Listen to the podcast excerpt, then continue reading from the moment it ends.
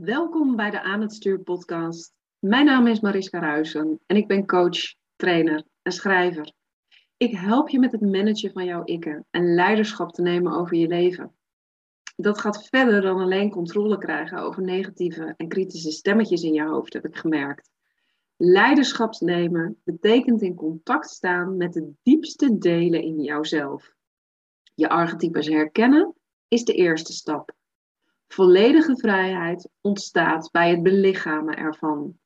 Pas als je volledig in je lichaam bent gezakt, kun je je opnieuw verbinden met jouw innerlijke kompas. Want die weet altijd de weg. Ik wens je heel veel luisterplezier.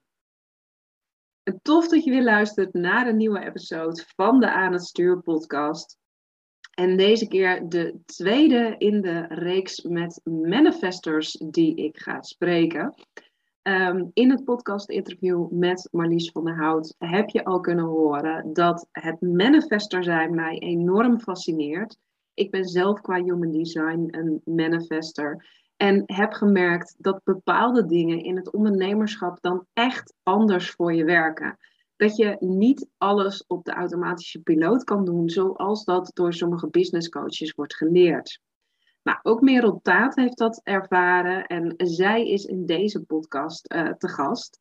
Merel werkt met name met uh, familieopstellingen, um, werkt vanuit het innerlijk kind en weet hoe belangrijk het is om juist dat kleine meisje in zichzelf gerust te kunnen stellen, Ehm, als het allemaal eventjes wat spannender wordt in het ondernemerschap. Nou, geniet weer van een mooi gesprek.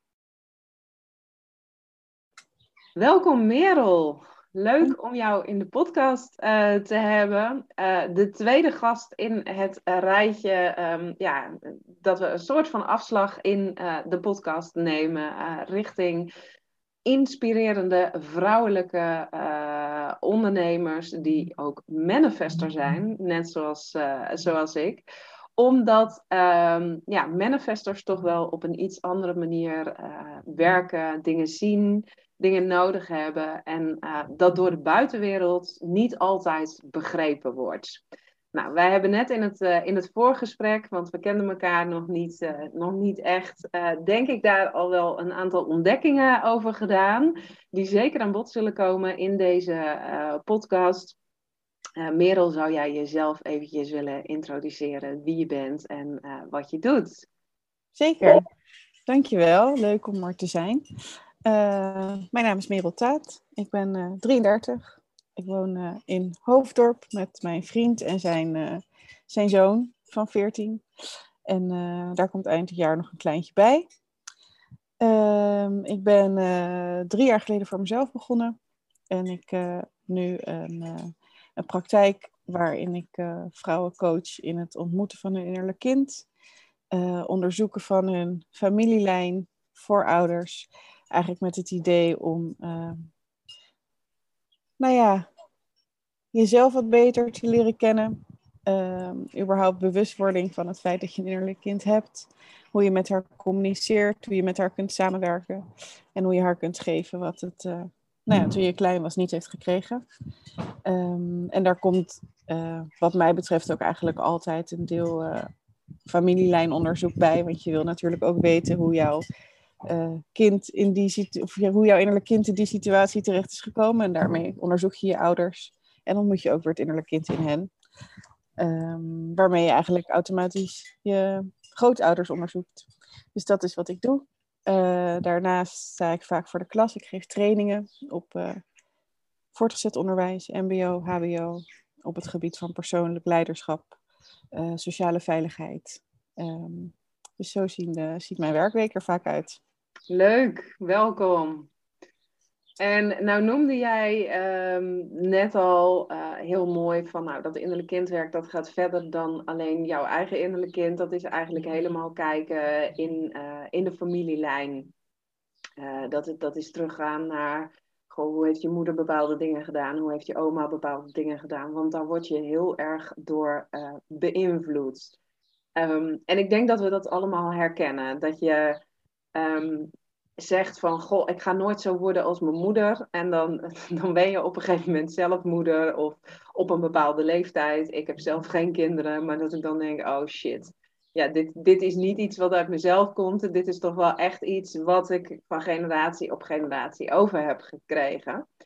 Ehm, en wij hadden het er net ook eventjes over van, ehm, nou, op zich denk ik dat het iets is waar je per definitie voorzichtig mee moet zijn. Om zomaar dingen die in je familiesysteem zitten voor waar aan te nemen. Want is het ook jouw waarheid? Past het bij je? Maar dat het iets is waar manifestors vaak nog meer over struikelen. Omdat die juist de behoefte hebben om los te breken, om vrij te zijn, hun eigen pad uh, te volgen. Um, en, en als je dan uh, als kind, omdat je die ruimte bijvoorbeeld nou eenmaal niet hebt gevoeld, of hebt gedacht van, nou, als ik mijn ruimte in ga nemen, dan word ik afgewezen om wie ik ben. Als je je dan gaat aanpassen, dat het eigenlijk in je latere leven alleen maar lastiger wordt om echt um, op de plek te staan die voor jou als manifester uh, bedoeld is. Namelijk het vooruitstrevende stukje. Het laten zien van hé, hey, ik ben de vernieuwer, ik ben de initiator, ik ben anders dan de rest. Hoe heb jij dat zelf ervaren in, jou, uh, in jouw leven? Um, ja, ik ben, uh, ben ik dus op latere leeftijd inderdaad achtergekomen, vrij jong. Um, misschien als baby of zelfs al in de buik, zijn, uh, zijn ook inderdaad onderzoeken naar dat je eigenlijk echt al begint met je ontwikkelen en een bewustzijn hebt en dingen meemaakt in je moeders buik. Ja. Uh, ik ben heel vroeg begonnen met, uh, met me eigenlijk aan te passen aan, aan de ander. In dit geval mijn moeder. Mijn moeder die kreeg mij bewust als alleenstaande moeder. Mm. En um, ik ben een hele rustige baby geweest. Ik heb nooit gehuild s'nachts. Ik was eigenlijk heel makkelijk. Makkelijk kind ook. Um, wel erg gevoelig. Uh, met name voor hard geluid. vond, ik, vond ik heel naar. Mm. Um, maar eigenlijk sprak ik me dus niet zo uit. Uh, omdat ik, weet ik nu, me eigenlijk gewoon vooral bezig heb gehouden met het voor mijn moeder faciliteren. Uh, om, nou ja, zo moeiteloos mogelijk voor mij te kunnen zorgen. Mm.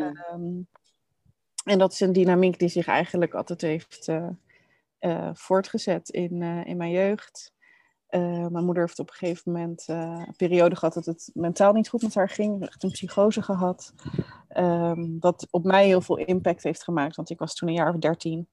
Um, ja, net op de middelbare school, dus ook ja. bedacht daar, ik kan dat beter niet vertellen, want dan hoor ik er niet bij. Mm -hmm. Ik heb heel veel gewoon binnengehouden, opgeslagen. Um, uh, en ook eigenlijk daarna vooral gezorgd dat mijn moeder niet het idee had dat ze iets verkeerd had gedaan.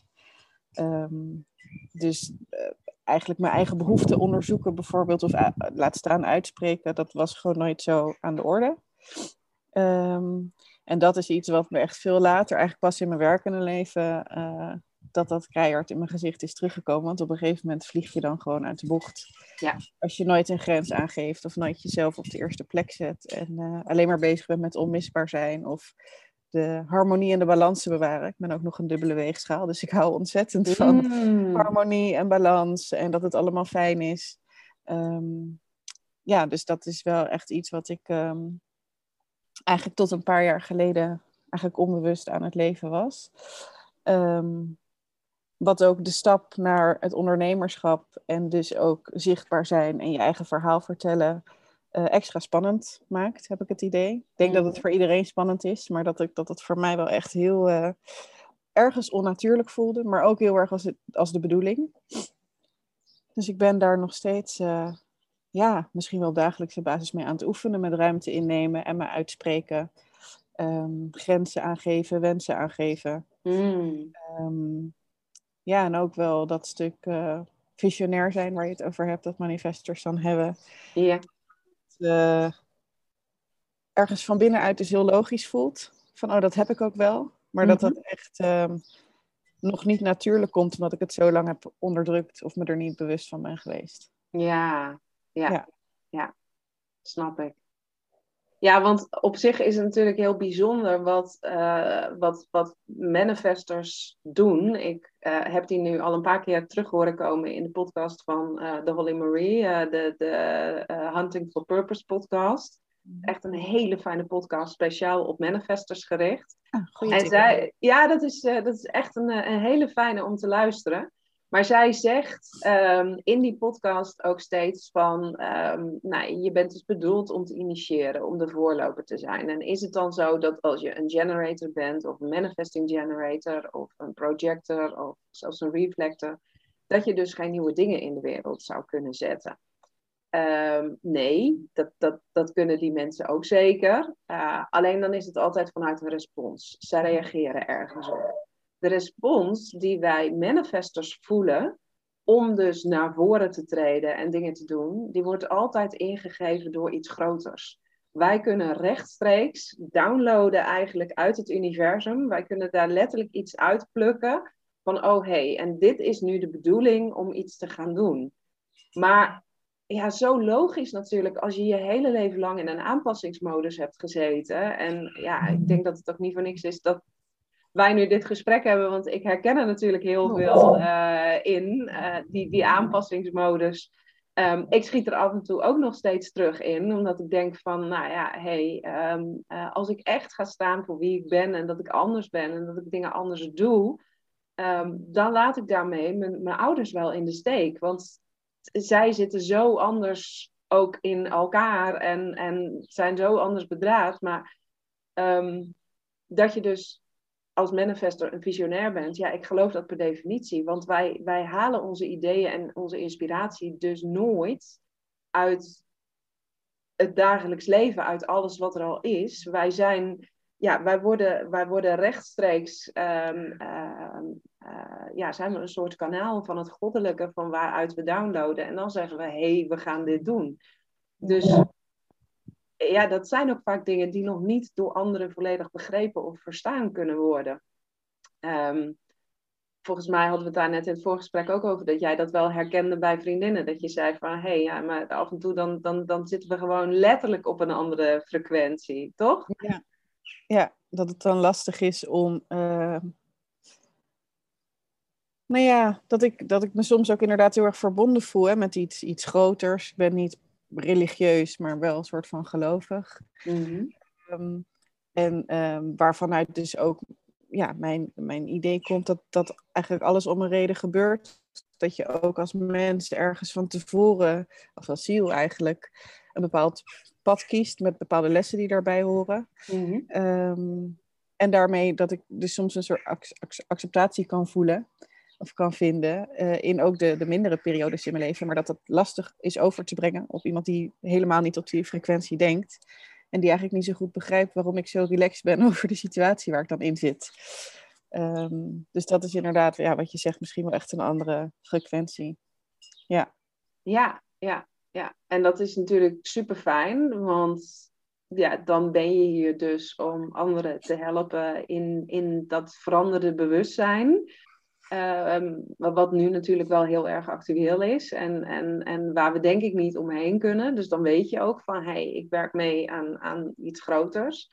Maar op het moment dat je um, uh, ook regelmatig het idee hebt van, nou, ik praat nog abracadabra voor de massa.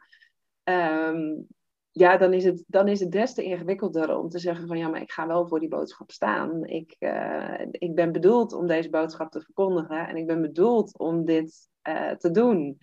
Ja, dat kan soms heel groot voelen. Of uh, om die. Um... Nou ja, dus wat je zegt, soms, soms vraag ik me dat af. Want je kan dat gevoel inderdaad van binnen hebben. Um, maar dat is iets wat je echt van binnen voelt en wat je niet moet proberen te rationaliseren.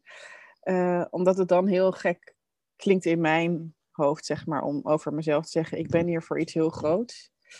Um, terwijl je dat, dat, ik denk dat dat ook onderdeel is van je eigen proces om dat ook te omarmen en daarin te gaan staan, zeg maar, in die grootheid of in die boodschappen. Om inderdaad te zeggen, het komt bij mij van boven. Dat zijn allemaal dingen die natuurlijk hier best wel vreemd zijn, zeker als, nou ja, zoals we allebei eigenlijk uit een andere branche komt en anders bent opgevoed en anders bent opgeleid. wetenschappelijk. Ja. Dan is dat ehm, echt nog een shift om, om te maken. Dat is zeker een shift om te maken. Maar ik denk dus dat dat niet alleen een shift is van hoe ben je opgevoed, maar dat dit iets is wat, wat voor vrouwen in het algemeen eigenlijk wel geldt. Want nou ja, ik denk dat we dat ehm, de afgelopen paar duizend jaar onder invloed van het patriarchaat, dat we onszelf toch ook letterlijk wel steeds kleiner hebben zien worden.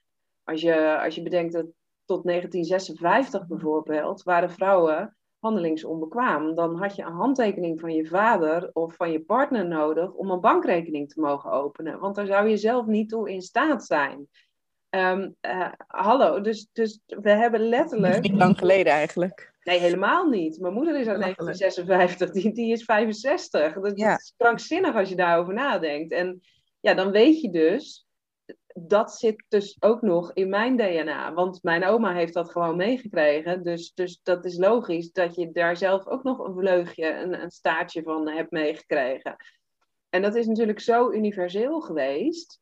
ehm, dat vrouwen zichzelf kleiner moesten maken, dat ze niet serieus werden genomen. ehm, eh, het stemrecht voor vrouwen, maar ook het kiesrecht bijvoorbeeld. Ja, dat is er ook nog maar sinds eh, 1919 geloof ik. Dus ja, dat is nu ook amper een eeuw.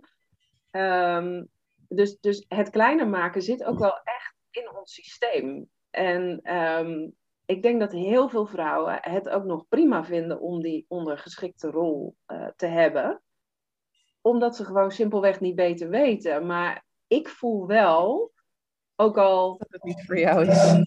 Nee, dat het, dat het niet voor mij is. En ik ben heel benieuwd of, hoe, hoe dat voor, je, voor jou is. Want eh, ja, de meeste manifestors die ik spreek, die zeggen wel echt van... Nou ja, goed, ik hoef niet de nieuwe Gandhi te worden of zo. Maar ik weet wel dat mijn rol hier wel is om impact te maken. En, en om wel de dingen flink op te schudden. Ja, dat, dat laatste ben ik zeker, voel ik ook zeker zo. Ehm, is me ook vaak verteld, wat we net in het voorgesprek eventjes bespraken, dat ik op een bepaald punt in mijn leven ehm, een beetje ja, het spirituele pad begon te ontdekken. Eh, en dat dan als zowel een handlezer als een astroloog uit twee totaal verschillende invalshoeken eigenlijk maar blijven zeggen van je bent eh, een vernieuwer. Eh, je gaat mensen in je verhaal meenemen. Ja, dan op een gegeven moment ga je dan toch wel een beetje ook nadenken en proberen dat te voelen. Ehm, dus daar ben ik zeker, eh, eh, ben ik zeker met, je, met je eens. Ik voel dat ook zo. Daarbij ehm, heeft dus, ehm, mijn moeder heeft mij dus alleen opgevoed. Hmm. En mijn oma heeft eigenlijk ook mijn moeder en haar zus ook alleen opgevoed. wow. Mijn opa's op een gegeven moment, ja, en zij waren echt een van de twee eh, gezinnen zeg maar, op de basisschool waar dan geen vader in huis was. Mhm. Ehm, en van mijn vaders kant ben ik Surinaams. Nou, en daar is ook best wel algemeen bekend dat moeders daar ook hun kroost eh, veelal alleen opvoeden. Dus in mijn beide familielijnen eigenlijk ehm, is het vrij... Ik heb wel veel voorbeelden gezien van een zelfstandige vrouw ehm, eh, in mijn jeugd. Dus dat helpt denk ik toch ook wel mee. Ja. Eh, dat mijn moeder gewoon zelf eh, de lampen ophing en, eh, en de nieuwe videorecorder aansloot en zo. En dat ik dan bij vriendinnetjes thuis zag van nee, dat wordt allemaal uit handen genomen. En een vader die dat dan heel mannig met zijn gereedschap ging doen. Ehm, dus ik heb daar onbewust en nu dus bewust wel echt in meegekregen van ik kan ook dingen zelf. Ehm, ik vind het wel heel mooi als het mannelijke en het vrouwelijke in evenwicht is. Mhm. Dus ik merk ook aan mijn eh, partner bijvoorbeeld dat hij het ook heel fijn vindt om dat soort dingen voor mij te doen. Of om een tas te dragen, terwijl ik dat ook echt wel zelf kan. ja. Ehm, en daarin is het, vind ik het ook mooi om je daarin een beetje te laten dragen als vrouw. Zodat jij je vrouwelijke kant kunt zijn en hij de mannelijke kant. Ehm, maar dat gaat natuurlijk niet over ongelijkheid. Dat gaat juist over balans. ja, dat gaat eh, heel erg over balans. En dat, dat, dat voel ik heel erg in onze relatie, dat dat echt heel erg in balans is. En dat hoe meer ik zijn mannelijkheid de ruimte geef, hoe meer mijn vrouwelijkheid de ruimte heeft. En dat ik ook niet meer zo de behoefte heb om te bewijzen dat ik het allemaal zelf kan. Ehm, wat eigenlijk ook uit best wel veel mannelijke energie bestond.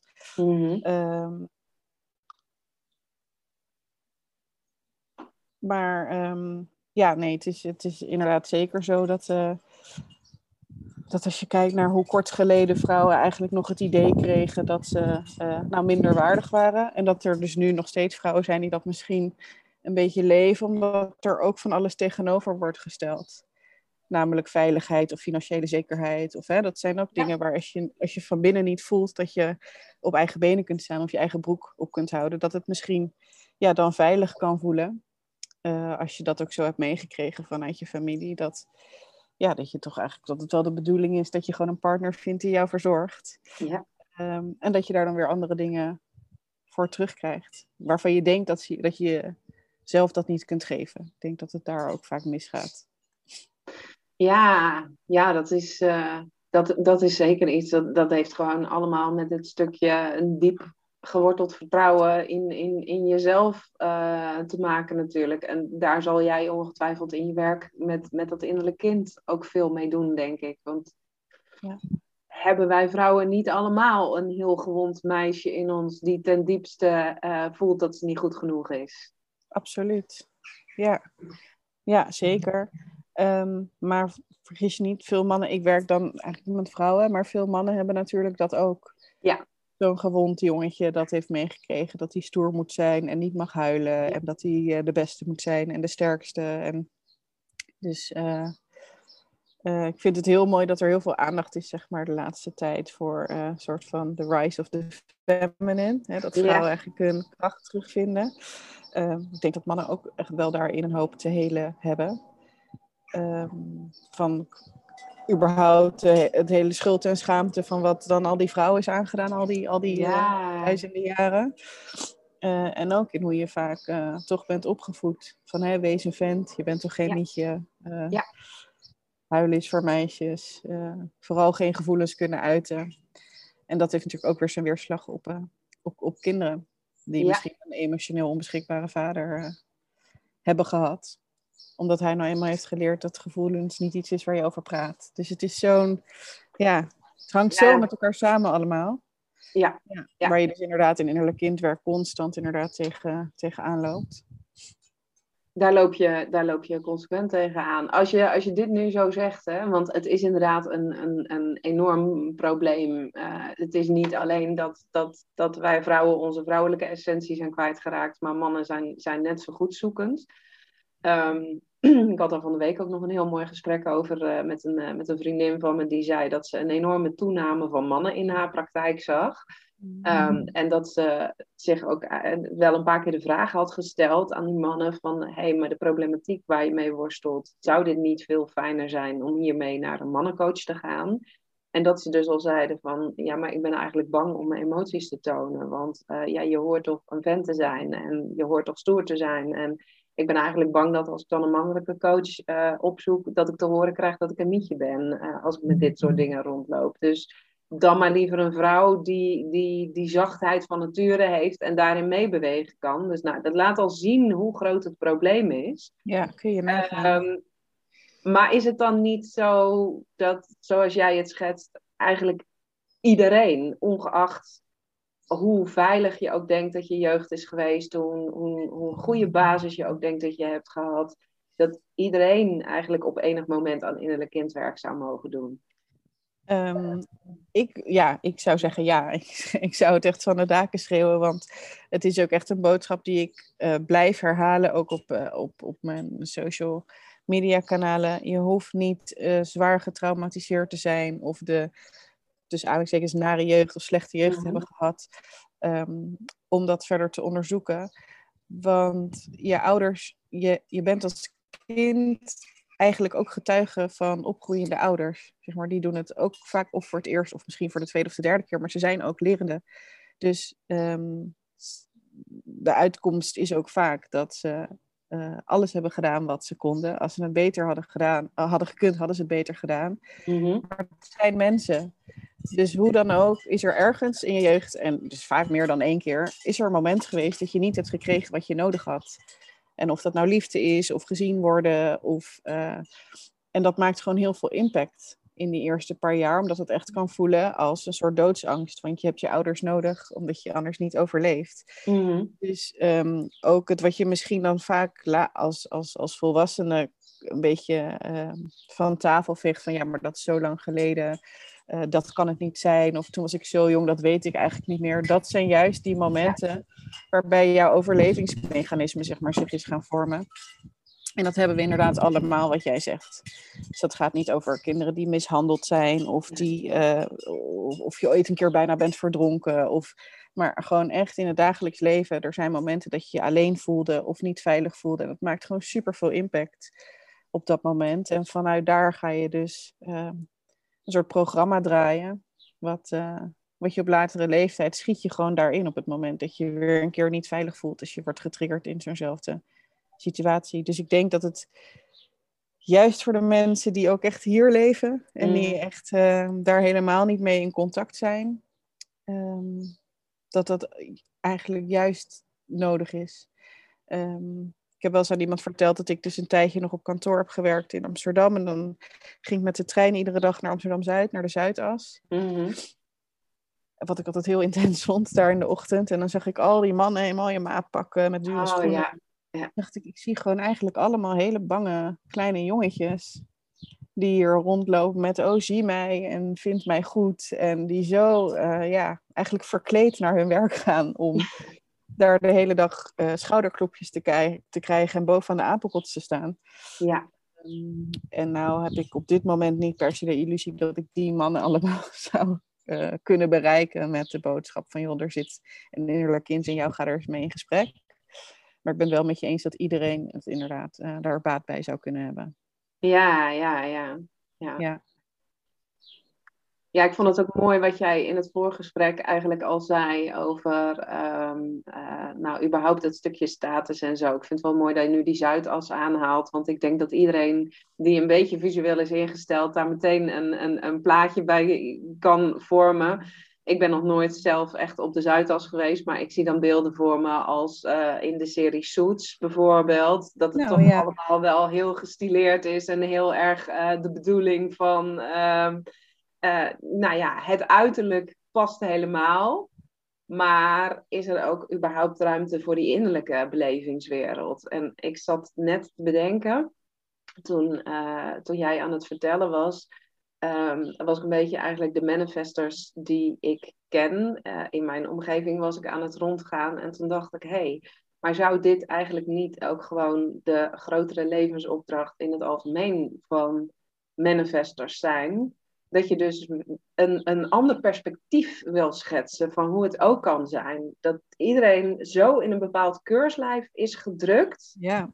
Uh, van, nou ja, weet je, um, uh, zo doen we het dat nou op het gebied van social media is, hoe je je feed inricht, uh, of dat nou inderdaad is van hoe je je leven wil leven, um, hoe je je boodschap naar buiten wil brengen. Um, ja, ik heb de afgelopen jaren echt ontzettend veel geld in business coaching gestoken. En um, nou, daar waren toch ook echt wel heel veel programma's bij dat ik dacht, nou leuk dat dit voor de massa werkt. Maar voor mij, voor mij gaat dit echt, echt, echt no way werken. Dit, dit is niet iets wat past bij mij. Dus um, ja, zomaar eventjes filosoferend. Hoe, hoe voel jij dat? Dat je, dat je toch ook echt wel ergens misschien zoiets hebt van... Nou, prima als iedereen achter de kudde aan wil lopen. Maar ik wil vooral laten zien hoe het ook kan als je er los van durft te breken. Um, Even denken. Ja, of even voelen eigenlijk. um, ja, ik heb um, best wel lang geprobeerd met de kudde mee te lopen. Ook heel erg die um, noodzaak gevoeld eigenlijk. Mm -hmm. vanaf van, van kinds af aan eigenlijk wel. Op de middelbare school begon dat een beetje. Dan ben je natuurlijk ook een tiener. Uh, en ik ging van een vrij nou ja, doorsnee. Het was wel een Rooms-Katholieke school, maar zat eigenlijk van alles. Liep daar rond. En toen ging ik dus in mijn eentje eigenlijk vanuit daar naar een gymnasium waar het best wel, nou ja, anders was. Kwam in mhm. een uh, klas terecht met allemaal meiden die ook veel elkaar al kenden van hockey of van zeilkamp en zo. Nou, ik had dat allemaal niet. Dus ik ben toen al best wel een beetje zo uh, als een soort chameleon wel allemaal dezelfde kleren ook aan willen en mijn haarstijlen, weet je wel, dat ik wat minder opviel. Mhm. Dat heeft zich eigenlijk doorgetrokken in mijn studententijd toen ik lid ben geworden van een studentenvereniging. Uh, waar dat eigenlijk allemaal weer opnieuw een beetje zich afspeelde. In een studentenhuis met uh, zeven blonde meiden en, uh, en ik. Mhm. En eigenlijk maar heel erg steeds de behoefte gevoeld om te bewijzen dat ik daar dan ook bij hoorde. en dat is echt pas wat later, toen ik op een gegeven moment in Amsterdam woonde. Um, ja, dat ik echt wat meer mezelf durfde te zijn eigenlijk. En mijn haar ook vaker los ging dragen. Toen ik ook naar Suriname was geweest. Om dan daar eens te voelen van hey, hoe het is om uh, Mhm. Er hetzelfde uit te zien als iedereen. Um, dus dat heeft bij mij wel echt uh, nou, een jaar 25 denk ik geduurd. Voordat ik uh, helemaal kon omarmen dat ik inderdaad gewoon een beetje anders ben. En er anders uitzie. En dus ook uniek werk. Um, en dat laatste is echt dus in de afgelopen drie jaar eigenlijk in mijn ondernemerschap. Um, dat je zo jezelf tegenkomt en dus moet uitvinden of mag uitvinden wat voor jou werkt. Ja. En zeker met human design, wat ik dan nou ja, sinds een jaar of anderhalf een beetje heb ontdekt. En dat ik dus weet dat bepaalde dingen gewoon bij mij zo werken. Ja, dat is echt wel een bevrijding. Ja, en daarmee krijg je ook een soort van toestemming dus van jezelf om, uh, uh, om niet inderdaad in die mal te passen. En dat het ook helemaal niet de bedoeling is en dat het, daar mijn kracht ook helemaal niet ligt. Nee. Dus um, dat vind ik een heel mooi ontdekkingsreis. En waar die kracht dan precies wel ligt, daar ben ik nog aan het ontdekken, moet ik zeggen. Dus ik heb nog niet nu helemaal uitgeschreven van op deze manier kan ik het beste ondernemen of het beste mijn verhaal vertellen. Daar zit ik nu eigenlijk middenin. Mm-hmm. Daarom vind ik dit gesprek ook heel leuk, dat daar wel echt aan bijdraagt. Um, maar ja, ik, ik, ik voel wel echt heel veel herkenning, zeg maar, als jij het zo over dat manifestorschap hebt, of ik lees erover. Ik denk, oh, wat heerlijk, weet je wel. Ik hoef niet altijd dit, of ik hoef niet hetzelfde als die, of ik heb gewoon mijn Nee. eigen, uh, ja, mijn eigen manier. Ja. Ja, mooi. Mooi. hey, en uh, hoe ga jij om met die uh, wisselende pieken in energie? Want jij vertelde al van dat, je, dat je uit de mediawereld komt waar, waar 50 uur werken per week de norm was. Nou, ik kom ook uit een, ja, uit een cultuur van het Openbaar Ministerie waar je eigenlijk altijd wel door moest gaan. En, en 40 uur werken ook nooit 40 uur was, want dat er altijd nog wel van alles gebeurde. Um, en ik las laatst ergens dat um, manifestors um, 80% rust nodig hebben en 20% uh, van de tijd initiëren op hun creatieve energie. En toen dacht ik, wow, wat zijn we dan met z'n allen aan een uitputtingsslag bezig geweest? Of wat ben ik dan in ieder geval aan een uitputtingsslag bezig geweest? Als het dus inhoudt dat ik eigenlijk, en dat betekent niet dat je in die 80% van de tijd helemaal niks doet.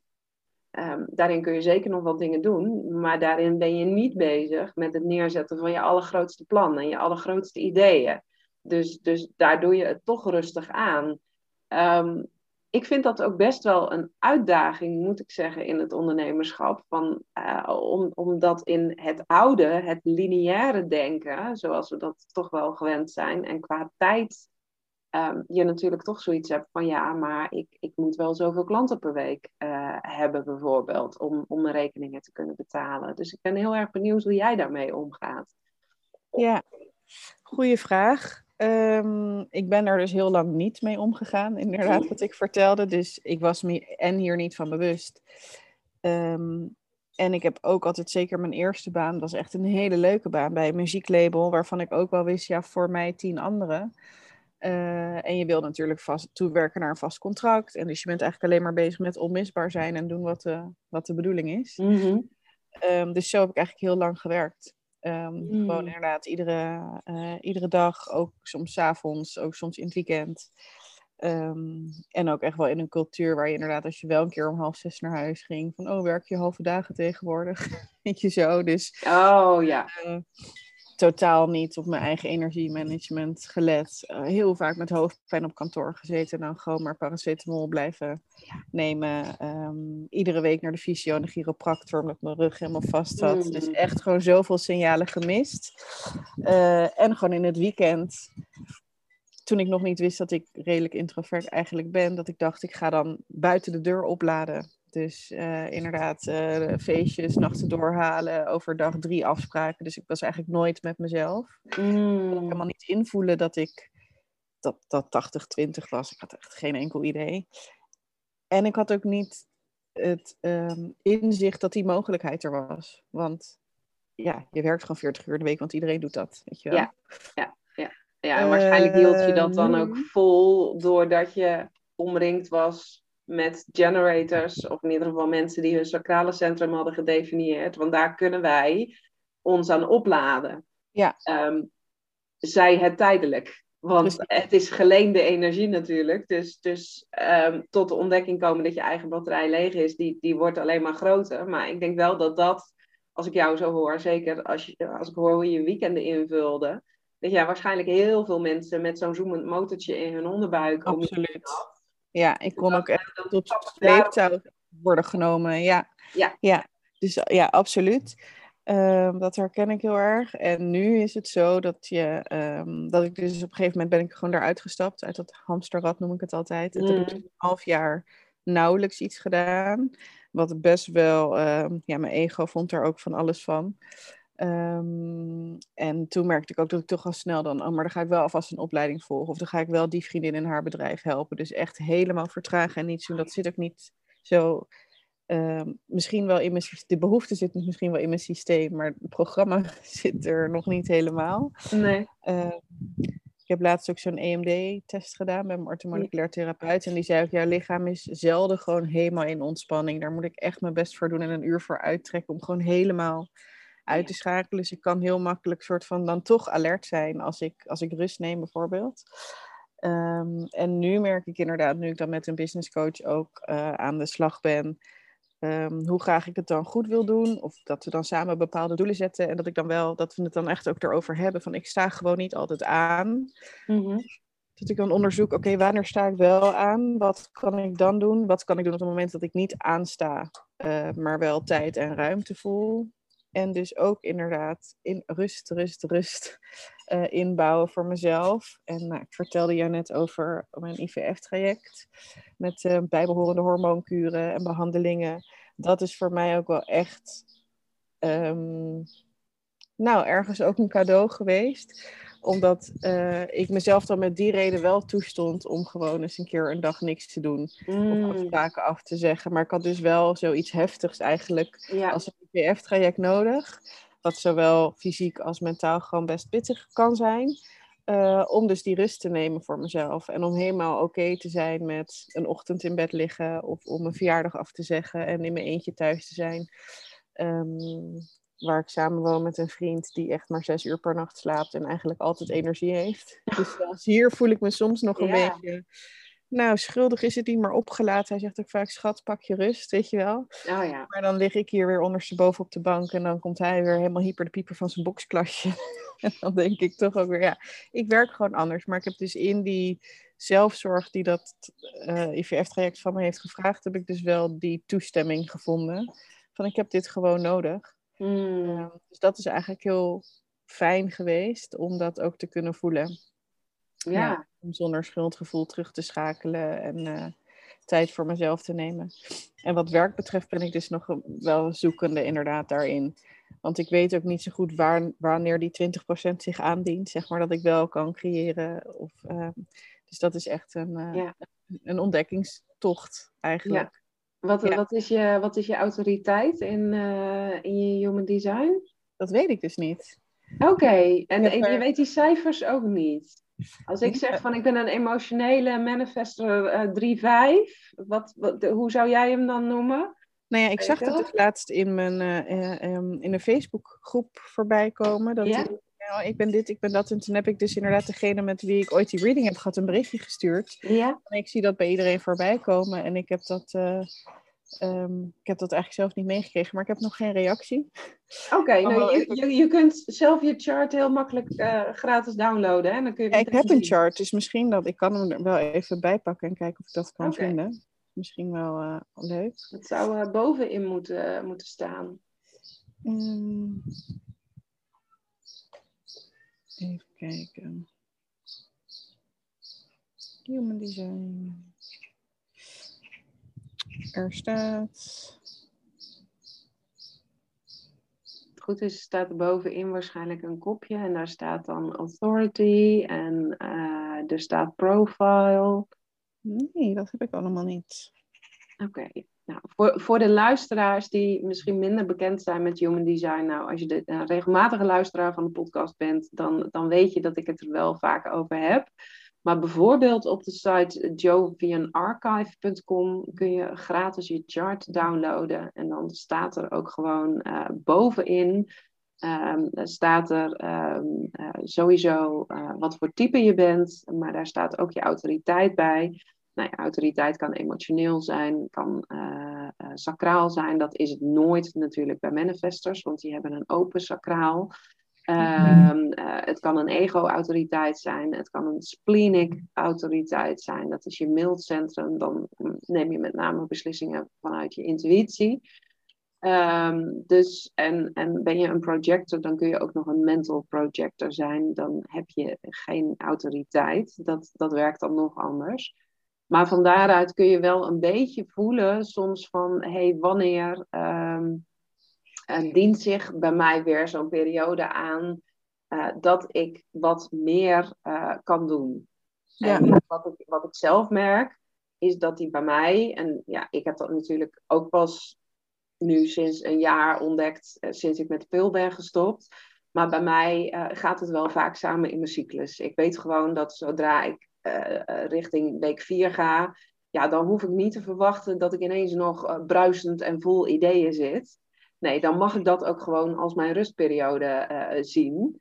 Want dat gaat hem dan niet worden. Maar ja, vaak zo die eerste twee weken na mijn menstruatie en dan opbouwend richting je ijsprong ja, daar, daar zitten toch zeker wel momenten in dat ik dan ineens kan voelen, uh, hey.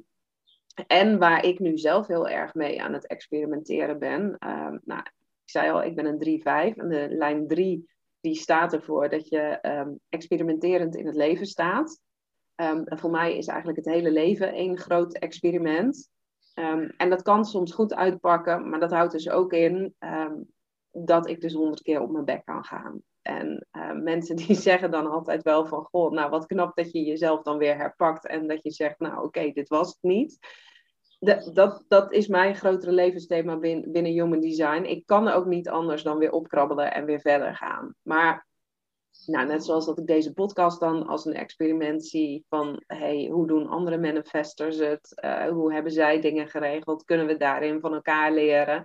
Um, uh, ben ik nu aan het experimenteren van wat kan ik doen om die, die creatieve urges, die, die pieken, die 20%, om dat meer uh, te kanaliseren. En wat ik dan bijvoorbeeld heel erg merk, is als ik standaard ochtends journal. Ik heb daar vaste uh, journalvragen voor.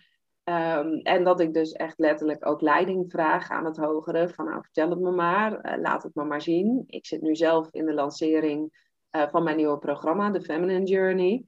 Um, en ik heb voortdurend het idee, dat is dus ook zo'n fijne mindfuck als, als manifester zijnde, dat ik meer zou moeten doen. Dat um, de dingen die, Heel herkenbaar, ja. ja die, die ik nu doe, dat, um, nou, dat het grootste kan. Dat ik meer impact zou kunnen maken, dat ik meer mensen zou kunnen bereiken. terwijl ik echt al wel een aantal mensen om me heen heb verzameld die uh, nou, super geïnteresseerd zijn en die waarschijnlijk ook gaan instappen. Maar het gevoel van het kan meer, dat de, die drang naar expansie, die zit er natuurlijk enorm bij manifestors. En ik kan dan ook enorm gefrustreerd raken als ik dan denk van, ja, maar kennelijk zit ik dus in die rustcyclus, want er komen geen nieuwe ideeën. Nou, nu ben ik een paar ochtenden achter elkaar uh, aan het journalen. En dat deed ik toch al wel. Maar vaak was het dan zo dat ik opstond, ging douchen, ontbijten en dan pas ging journalen. Nee, nu heb ik het gewoon op mijn nachtkastje liggen. En dat maakt zo'n verschil.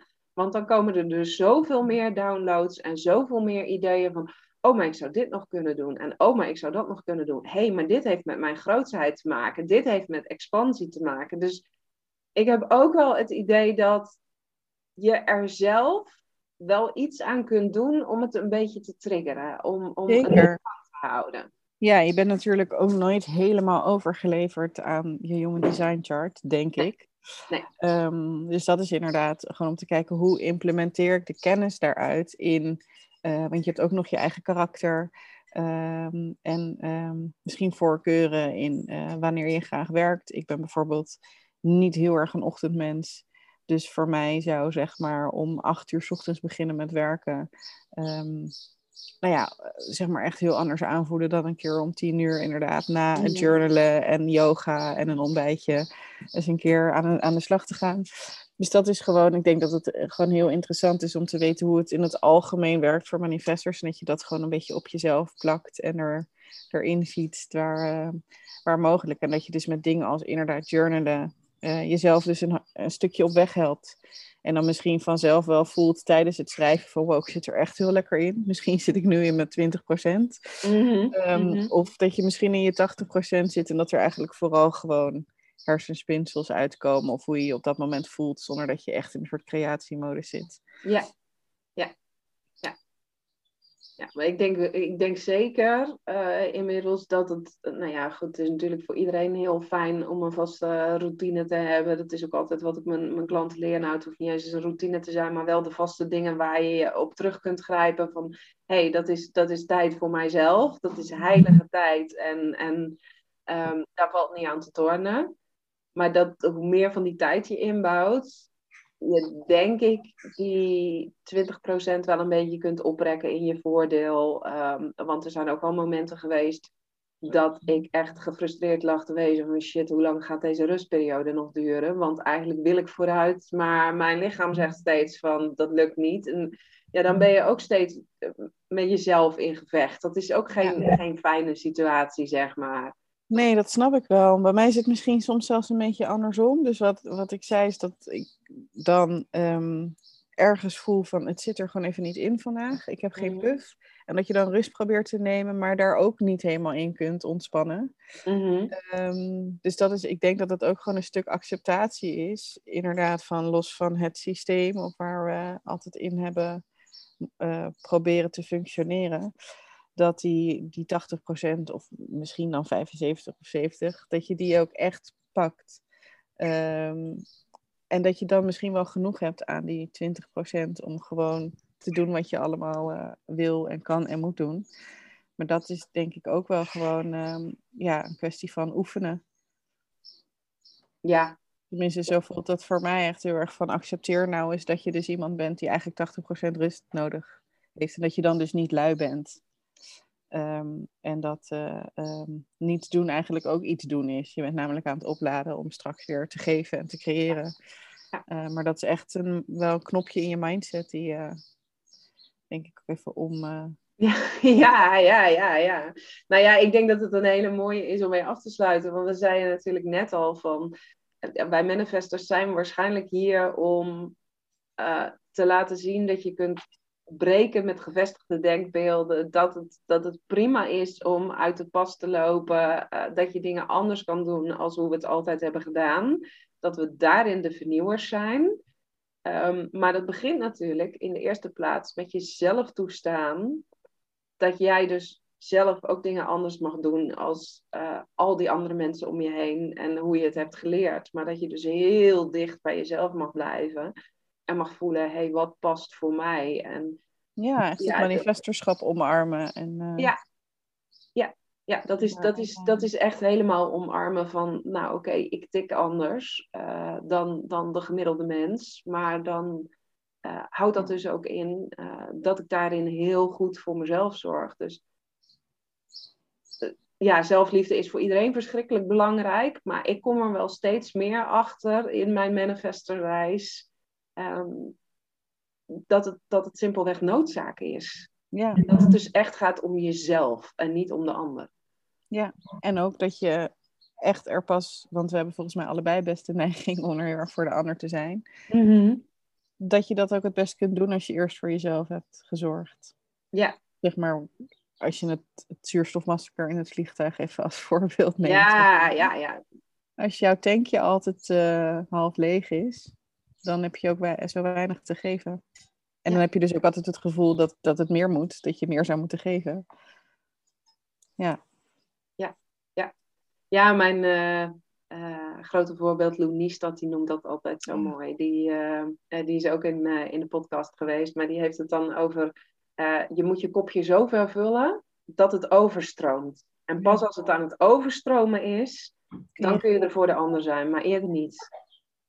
ja, ja, dat is echt een hele andere manier van er naar kijken. Voor Ja. mij heel nieuw, maar ik ben het er zeker mee eens. Ik denk dat dat ook echt een eh, mooie les en uitdaging wordt in het moederschap straks. Ja, ja, ja, ja. Ik denk dat het, eh, dat het ehm, best nog wel pittig kan Ja. zijn. Ehm, ja, daar heb ik zelf niet zo heel veel ervaring. eh, of, nou ja, daar heb ik geen ervaring mee. Ehm, ik vind het een moedige keuze als je zegt als manifester van nou, ik ga toch voor het, voor het moederschap.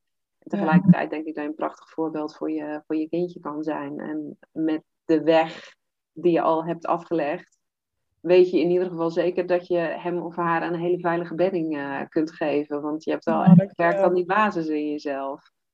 Ik, eh, ik hoop het ook van harte. Ja, ja, mooi. Als mensen geïnspireerd zijn geraakt door dit gesprek en meer over jou willen weten, waar kunnen ze jou het beste gaan volgen? Eh, op mijn Instagram-account, dat is @mereltaat. Ehm, en daar, eh, daar deel ik eigenlijk de meeste, meeste content. En ehm, ja, daar kun je gewoon op de hoogte blijven van, eh, van wat ik doe. Alles over jouw, eh, jouw innerlijk kind. Hoe je met haar kunt werken. Wat ze je te vertellen kan hebben. Eh, en ook een stukje over mijn eigen verhaal. Nou, mooi. Mooi, leuk. Ehm, ik ga het sowieso in de show notes eh, eh, erbij zetten, dat mensen je op die manier eh, kunnen volgen. Ja, leuk. Dank je wel voor dit inspirerende gesprek. En ehm, ja, ehm, ik, ik ga het je laten weten wanneer die online staat. Ja, leuk. Dankjewel dat ik er mocht zijn. Ik vond het heel leuk. Leuk. Leuk, ja.